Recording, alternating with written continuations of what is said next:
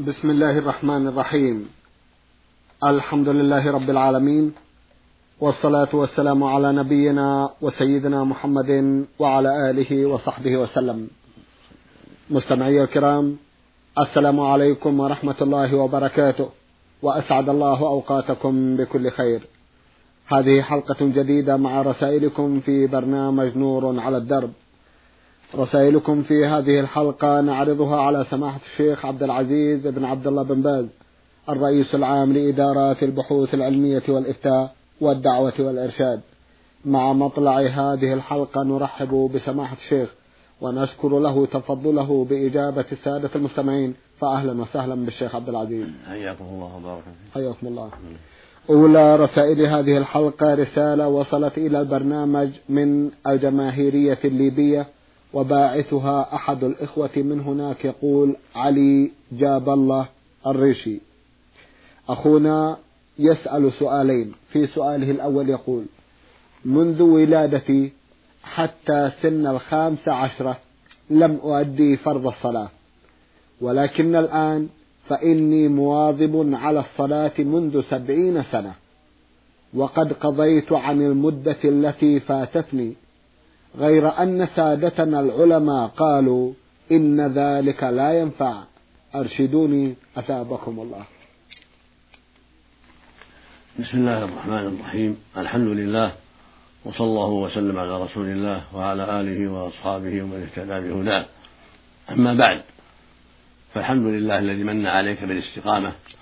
حتى أكملت هذه المدة الطويلة وأنت تحافظ على الصلاة. أما ما تركته من الصلوات قبل إكمال خمسة عشر سنة فهذا فيه تفصيل. فإن كنت قد بلغت الحلم بإكمال الخمسة عشر سنة أو بإنبات الشعر الخشن حول الفرج وهو الشعرة أو بإنزال المني عن احتلام أو تفكير أو نظر ونحو ذلك فأنت بهذا قد بلغت الحلم والذي تركته من الصلوات بعد ذلك معفو عنه. إذا كنت قد تبت إلى الله من ذلك وندمت فالتوبة تجب ما قبلها. فإذا كنت تبت إلى الله وندمت على ما قصرت فيه من ترك الصلاة وعزمت أن لا تعود ثم استمررت في ذلك كما ذكرت كما ذكرت فالحمد لله. وكل ما تركته من ذلك فالمحيا عنك بالتوبة. فالتوبة تجب ما قبلها كما قاله النبي عليه الصلاة والسلام الإسلام يهدم ما كان قبله والتوبة تجب ما كان قبله يعني تمحو ما كان قبله والذي قال لك من العلماء أن أن التوبة لا تنفع هذا كلام باطل غلط وليس هذا من العلماء. فالتوبة يمحو الله بها الكفر ويمحو الله بها جميع الذنوب. أما إن كنت لم تبلغ بأن تبت إلى الله واستقمت على الصلاة قبل كمال خمسة عشر قبل كمال خمسة عشر سنة ولم يكن سبق منك إنزال ولا إنبات قبل خمسة عشر سنة فأنت في حكم الأطفال. وليس عليك صلاة واجبة لأن الصلاة إنما تجب بالبلوغ بلوغ الحلم. فإذا كنت لم تبلغ حين تركت الصلوات فليس عليك شيء.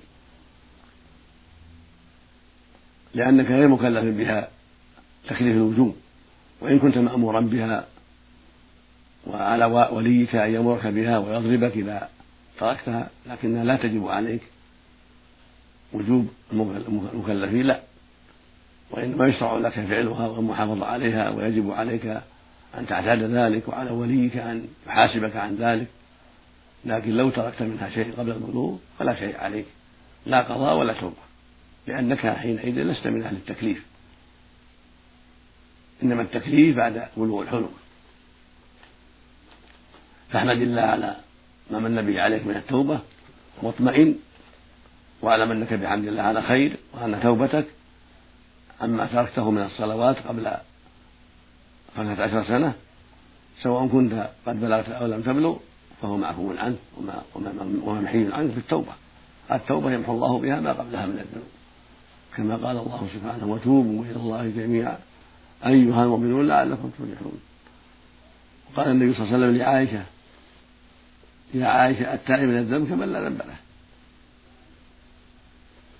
فنسأل الله أن يمن علينا وعليك وعلى جميع المسلمين بتوبة النصوح. وأن يتقبل منا ومنكم من كل مسلم. نعم. اللهم آمين. جزاكم الله خيرا. يسأل أخونا أيضا ويقول لي أربع بنات وثلاثة أولاد. أولادي الكبار بنيت لكل منهم منزلا خاصا به وابني الصغير لم أستطع أن أبني له منزلا وعندي منزل قديم سبق وأن منحته لجوزتي وبناتها الأربع في وصية رسمية فهل للابن الأصغر حق شرعي في المنزل مع أمه وأخواته أم لا؟ أفيدوني جزاكم الله خيرا. الواجب عليك يا أخي التعديل بين أولادك الذكور والإناث. لقول النبي صلى الله عليه وسلم اتقوا الله وعدلوا بين أولادكم. فإذا كنت حين بنيت لأبنائك الكبار منازل قد وجد لك الولد الصغير والبنات وجب عليك التعديل.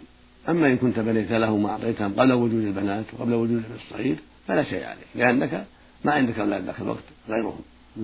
أما إن كان إعطاؤك له المنازل بعد وجود الابن الصغير وبعد وجود البنات فالواجب التعديل. فإما أن تعطيهم مثل إخوانهم للذكر مثل حظ الأنثيين. وإما أن ترجع في المنازل التي أعطيتها إخوانهم وتجعلها للجميع. بين الجميع أو لنفسك وتبقى إرثا لهم بعدك.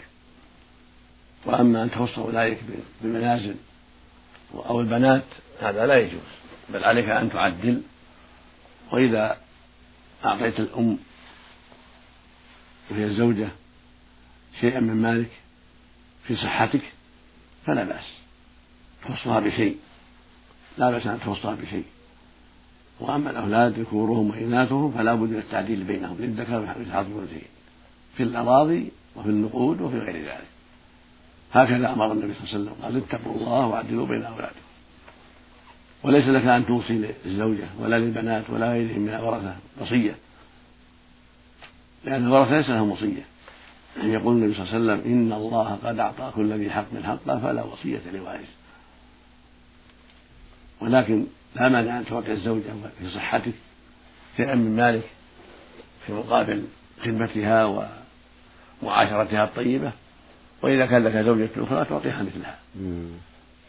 وأما البنات وإخوتهم فلا بد من التعديل بينهم في المنازل وغيرها إلا إذا سمحوا. إذا سمح سمحت البنات عن إخوانهم قالوا ما ما ما نرغب في شيء وأنت مسامح فلا بأس. وهكذا الابن الصغير إذا بلغ الحلم وسمح فكان رشيدا وسمح قال أنا سامح عن إخواني ولا ولا يلزم بالتعديل فلا بأس الحق لهم. فإذا سمحوا سقط الوجوب الذي عليه. أما إذ لم يسمحوا أما إن لم يسمحوا أو سمحوا سماحا خافوا منك. ما هو سماح عن رضا طيب نفس لكن لأنك توعدهم أو يخشون من من أمر يضرهم منك. فالسماح الذي ليس له آه، سند واضح بل حصل عن خشية وخوف لا يعتبر. لابد يكون سماح واضح من دون خوف منك ولا وعيد منك. بل عن طيب نفس من أنفسهم. فلا بأس بذلك. نعم. جزاكم الله خيرا. رسالة وصلت إلى البرنامج من الجمهورية العراقية مدينة الموصل إعدادية الدراسات الإسلامية. وباعث الرسالة أخ لنا من هناك يقول مشعل عبد الله العلي. أخونا يسأل ثلاثة أسئلة. في سؤاله الأول يقول هل يجوز التمسك بمذهب واحد من المذاهب الأربعة في أمور الفقه وغيرها. لا مانع من الانتساب إلى مذهب من المذاهب الأربعة الحنفية والمالكية والشافعية والحنبلية لكن لا يجوز التمسك به في كل شيء سواء أصاب أو أخطأ لا. بل يسأل طالب العلم ينظر إن كان عنده بصيرة فإذا وجد مسألة الحق فيها خلاف المذهب أخذ بالحق. لأن ما من مذهب إلا وفي مسائل مرجوحة.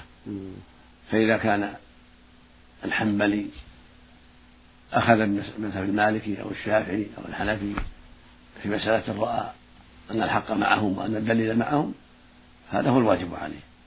وهكذا المالكي وهكذا الشافعي وهكذا الحنفي. المقصود لا مانع من الانتساب إلى المذاهب لكن من دون تعصب ومن دون جمود على المرجوح إذا عرفت الراجح. إذا كنت طالبا أن تفهم نعم. فعليك أن تأخذ بالأرجح بما, بما يقتضيه الدليل. ولو خالف مذهبك الذي انتسبت إليه ونشأت عليه. وعليك أن تنظر في مسائل الخلاف بالأدلة فما فما قام عليه الدليل وعرفت أنه أرجح أخذت به. وإلا سألت أهل العلم عما أشكل عليك. سألت من تطمئن إليهم من أهل العلم في علمهم وفضلهم وورعهم واستقامتهم حتى يوضحوا لك ما هو الأرجح في مسائل الخلاف. نعم. جزاكم الله خيرا. وهذا يشمل الفقه والعقيدة وكل شيء نعم نعم. بارك الله يشمل الجميع. يشمل ولكن في العقيدة أشد. وآكد أيوة. السؤال الثاني لأخينا يقول هل رأى رسول الله صلى الله عليه وسلم ربه ليلة الإسراء والمعراج؟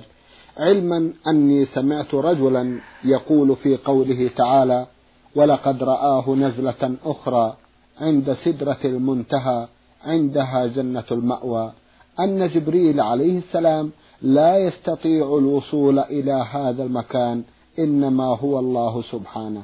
أرشدوني جزاكم الله خيرا. الصواب أن نبينا صلى الله عليه وسلم لم ير ربه ليلة الإسراء والمعراج وإنما رأى جبرائيل. هذا هو الصواب. كما قال الله سبحانه والنجم إذا هوى ما ضل صاحبكم وما غوى. وما ينطق عن الهوى. إن هو إلا وحي يوحى. علمه شديد القوى. هذا جبرائيل عليه الصلاة والسلام. ذو مرة ذو قوة فاستوى. وهو بالأفق الأعلى. ثم دنا إلى جبرائيل. فتدلى. فكان قاب قوسين أو أدنى. يعني من محمد عليه الصلاة والسلام. فأوحى إلى عبده إن أوحى جبرائيل إلى عبده إلى عبد الله الضمير يعود على الله لأن معروف من السياق. فأوحى إلى عبده ما أوحى ما كذب الفؤاد ما رأى أفتمارونه على ما يرى ولقد رآه نزلة أخرى عند كل هذا في جبرائيل هذا هو الصواب. المقام كله في جبرائيل لا في الله عز وجل. هذا هو الحق. وقد وقع في رواية شريك بن عبد الله بن أبي نمر عن أنس بعض الأغلط وذكر ما يدل على أنه هو الله سبحانه وتعالى ولكنهم ولكن أهل الحق من أئمة الحديث غلطوا شريكا في ذلك.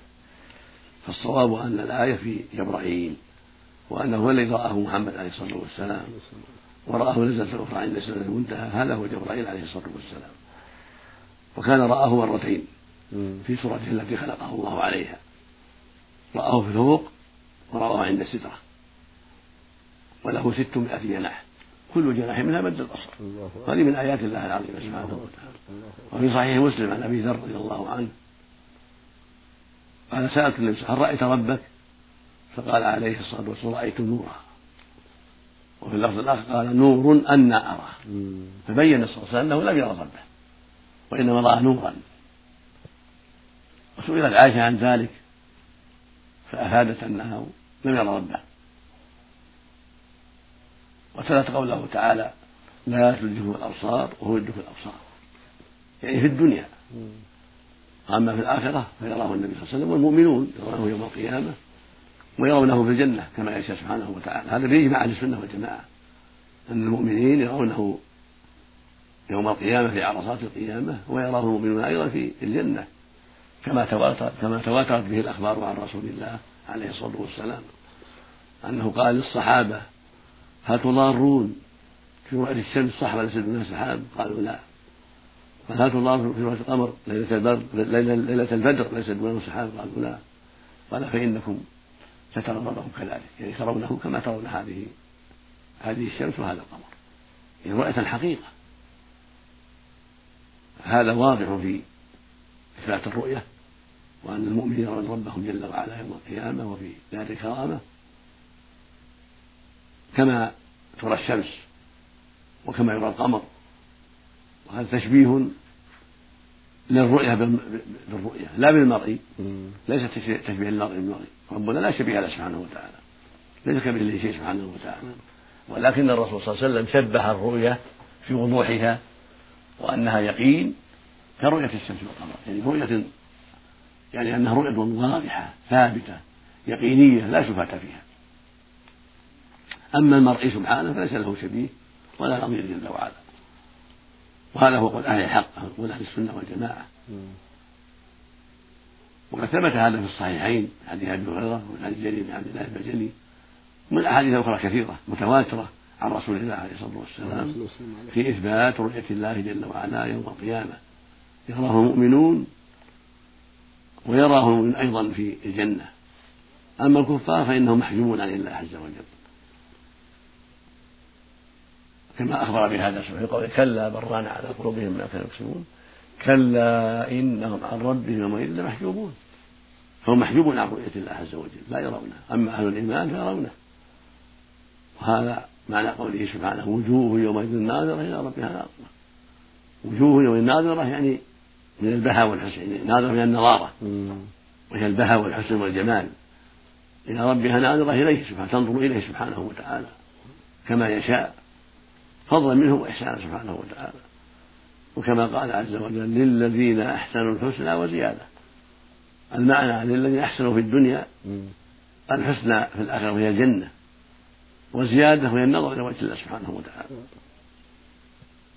فالواجب على كل مؤمن وعلى كل مؤمن أن يعتقد ذلك وأن يؤمن بذلك وأن يبرأ إلى الله من طريقة أهل البدع الذين أنكروا الرؤيا ونفوها. كالجهمية والمعتزلة ومن سار في ركابهم. هذا القول من أبطل الباطل وأضل الضلال. وجحد لما بينه الله في كتابه وما بينه رسوله عليه الصلاة والسلام. نسأل الله ألا يحجبنا من رؤيته وأن يوفقنا وجميع إخوان المؤمنين لرؤيته سبحانه وتعالى والتنعم بذلك في القيامة وفي دار الكرامة. يا الله. إنه جل وعلا جواد كريم. ونسأل الله العافية من هذه البدع الذين حرموا هذا الخير وحرموا هذا التوفيق نسأل الله العافية. وحرموا أن يقروا بالحق الذي أقر به المؤمنون. وهم, وهم جديرون بأن يمنعوا من هذا يوم القيامة لجحدهم إياه. نسأل الله العافية. نعم. السلامة جزاكم الله خيرا وتقبل منكم. شيخ عبد العزيز أخونا مشعل عبد الله العلي من العراق مدينة الموصل من إعدادية الدراسات الإسلامية يقول أرشدني وفقكم الله على أصح كتاب في العقيدة الإسلامية الصحيحة. أصح كتاب وأشرف كتاب وأعظم كتاب في العقيدة وفي غيرها هو كتاب الله القرآن. هذا أعظم كتاب وأشرف كتاب وأصدق كتاب وهو كتاب الله الذي لا يأتيه الباطل من بين يديه ولا من خلفه تنزيل من حكيم حميد. فالوصية لك أيها السائل ولكل مسلم ولكل مسلمة التمسك بكتاب الله والعناية بكتاب الله والإكثار من تلاوته وتدبر معانيه والحرص على حفظ ما تيسر منه فهو الكتاب العظيم المنزل الذي نزله الله على عباده ليحفظوه ويستقيموا عليه ويعملوا به وفيه الحق الواضح والهدى المستبين كما قال عز وجل إن هذا القرآن يهدي للتي هي أقوم قال سبحانه وتعالى وإنه لكتاب عزيز. لا يأتيه الباطل من بين يديه ولا من خلفه تنزيل من حكيم حميد. قال سبحانه ونزلنا عليك الكتاب تبيانا لكل شيء وهدى ورحمة وبشرى للمسلمين. فالوصية العناية بهذا الكتاب العظيم والإكثار من تلاوته وتدبر معانيه والمذاكرة فيه مع زملائك ومع إخوانك ومراجعة كتب التفسير المأمونة مثل كتاب ابن جرير والبغوي وابن كثير رحمة الله عليهم وأشباههم من أئمة الهدى لأنهم أوضحوا معاني الآيات وأوردوا ما جاء فيها من الأحاديث عن رسول الله عليه الصلاة والسلام. فعليك يا أخي أن تقبل على كتاب الله وأن تعتني بكتاب الله ثم سنة الرسول صلى الله عليه وسلم فيها الهدى والنور أيضا. صحيح البخاري صحيح مسلم وكتب بقية الكتب الستة وهكذا الكتب الأخرى التي فيها بيان الحق. كموطأ مالك رحمه الله وسنن الدارمي وصحيح ابن خزيمة وصحيح ابن حبان والحاكم وغيره من الكتب التي فيها الخير الكثير. وإذا كنت من أهل العلم بالحديث أمكنك أن تميز بين الصحيح والسقيم من الأحاديث التي في الكتب المذكورة ما عدا الصحيحين فإنهما قد تقبلتهما الأمة بقبول وأجمعت على الأخذ بما فيهما. فعليك أن تسير على نهج الأخيار من أئمة الحديث وأئمة السنة. فالصحيحان كل أحاديثهما معتمدة وهذا محل اعتماد أهل السنة والجماعة. قد تلقتهما الأمة بالقبول فعض عليهما بالنواجذ وتمسك بهما مع كتاب الله سبحانه وهكذا بقية الكتب الستة وما دخلنا من الكتب عليك بها والاستقامة على ما فيها وما وجد فيها من ضعيف فقد بينه أهل العلم وأوضحوا أسباب ضعفه. أما الكتب المؤلفة في العقائد فهي كثيرة. نعم. من أحسنها كتاب التوحيد لابن خزيمة كتاب السنة لعبد الله بن أحمد بن حنبل من هذه السنة لشيخ الإسلام ابن تيمية في الرد على المعتزلة وأهل البدع. زاد المعاد لابن القيم فيه خير كثير من جهة العقيدة والأحكام. اجتماع الجيوش الإسلامية لابن القيم في الرد على أهل البدع.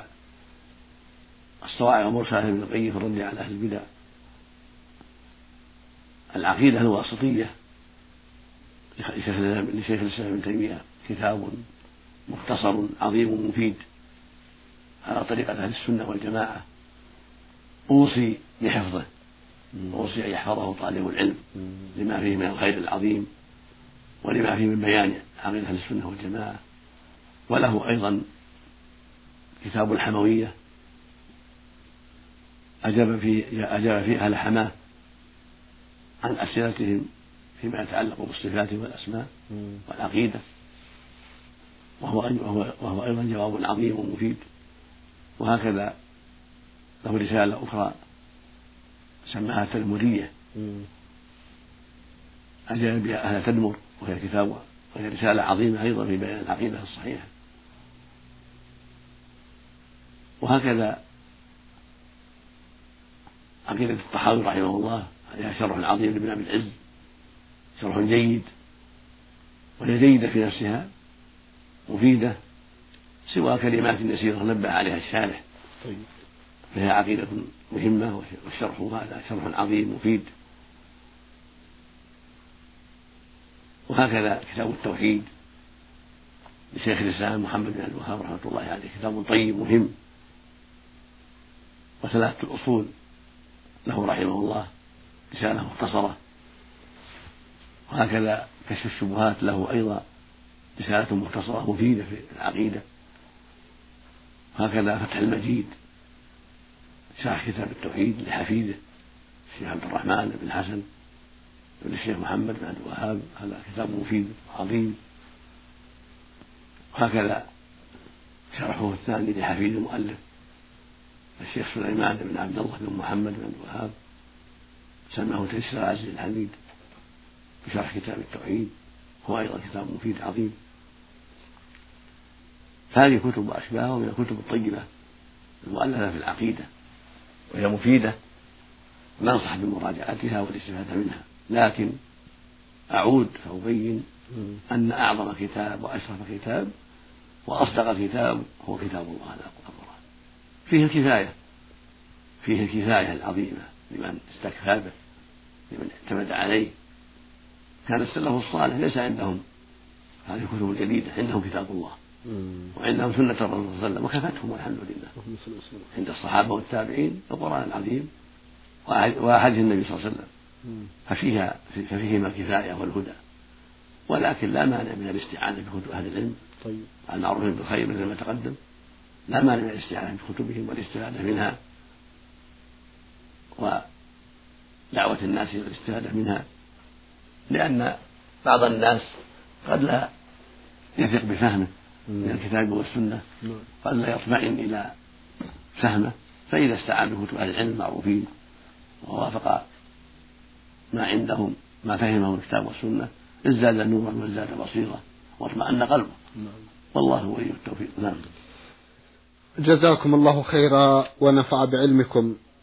ننتقل إلى رسالة أخرى وصلت إلى البرنامج ولصاحبها مجموعة من الأسئلة في سؤاله الأول يقول هل أصلي تحية المسجد والإمام يخطب. نعم إذا دخلت المسجد يوم الجمعة والإمام يخطب فصل الركعتين وتجوز فيهما ثم اجلس تستمع. لأنه صح عن رسول الله صلى الله عليه وسلم أنه قال إذا جاء أحدهما يخطب فليصلي ركعتين وليتجوز فيهما. رواه مسلم في الصحيح. فهذا واضح من كلامه صلى الله عليه وسلم في الأمر بصلاة الركعتين ثم الجلوس. وأنت بهذا قد أخذت بالسنة. نعم. طيب. دخلت المسجد أريد أن أصلي صلاة الجماعة وعند دخولي إلى المسجد انتهت الصلاة. سؤالي هل أصلي تحية المسجد أم أبدأ بالفرض أنت مخير بدأت كفى كفى عن تحية المسجد. لأن المقصود أن لا يجلس المؤمن في المسجد إلا بعد صلاة. وصلاة الفريضة أعظم من التحية. إذا دخل الإنسان فيها كفت عن تحية المسجد. كان النبي صلى الله عليه وسلم يأتي من بيته إلى المسجد فيبدأ بالفريضة. وتكفي عن تحية المسجد عليه الصلاة والسلام. وهكذا الأئمة. هكذا الأئمة في الغالب يأتون بيوتهم ثم يقصدون محل الفريضة فتقام الصلاة ويبدأون بالفريضة. ومن صلى ركعتين قبل ذلك في المسجد ثم أقام الصلاة فلا بأس. إلا الجمعة فالأفضل أنه أنه يتأخر في بيته فإذا جاء بدأ بالخطبة وتكفيه الفريضة عن تحية المسجد لأن الرسول صلى الله عليه وسلم يأتي فيدخل المسجد ويقصد المنبر فيجلس عليه ثم يؤذن المؤذن ثم يخطب عليه الصلاة والسلام. ولم يحفظ عنه ولا مرة واحدة أنه صلى ركعتين حين يدخل يوم الجمعة. لأن جلوسه جلوس خفيف على المنبر ثم يشرع في الصلاة. وجلوسه لانتظار الأذان وجلوسه بين بين الخطبتين. وكلاهما جلوس خفيف دعت اليه الحاجة حتى يؤدي الخطبة عليه الصلاة والسلام. اللهم صل وسلم. فالأئمة مثله الأئمة بعده مثله يتأسون به عليه الصلاة والسلام. اللهم صل وسلم. نعم. سماحة الشيخ في الختام أتوجه لكم بالشكر الجزيل بعد شكر الله سبحانه وتعالى على تفضلكم بإجابة السادة المستمعين. وآمل أن يتجدد اللقاء وأنتم على خير. نسأل الله مستمعي الكرام كان لقاؤنا في هذه الحلقة مع سماحة الشيخ عبد العزيز بن عبد الله بن باز الرئيس العام لإدارات البحوث العلمية والإفتاء والدعوة والإرشاد. شكرا لمتابعتكم مستمعي الكرام وسلام الله عليكم ورحمته وبركاته.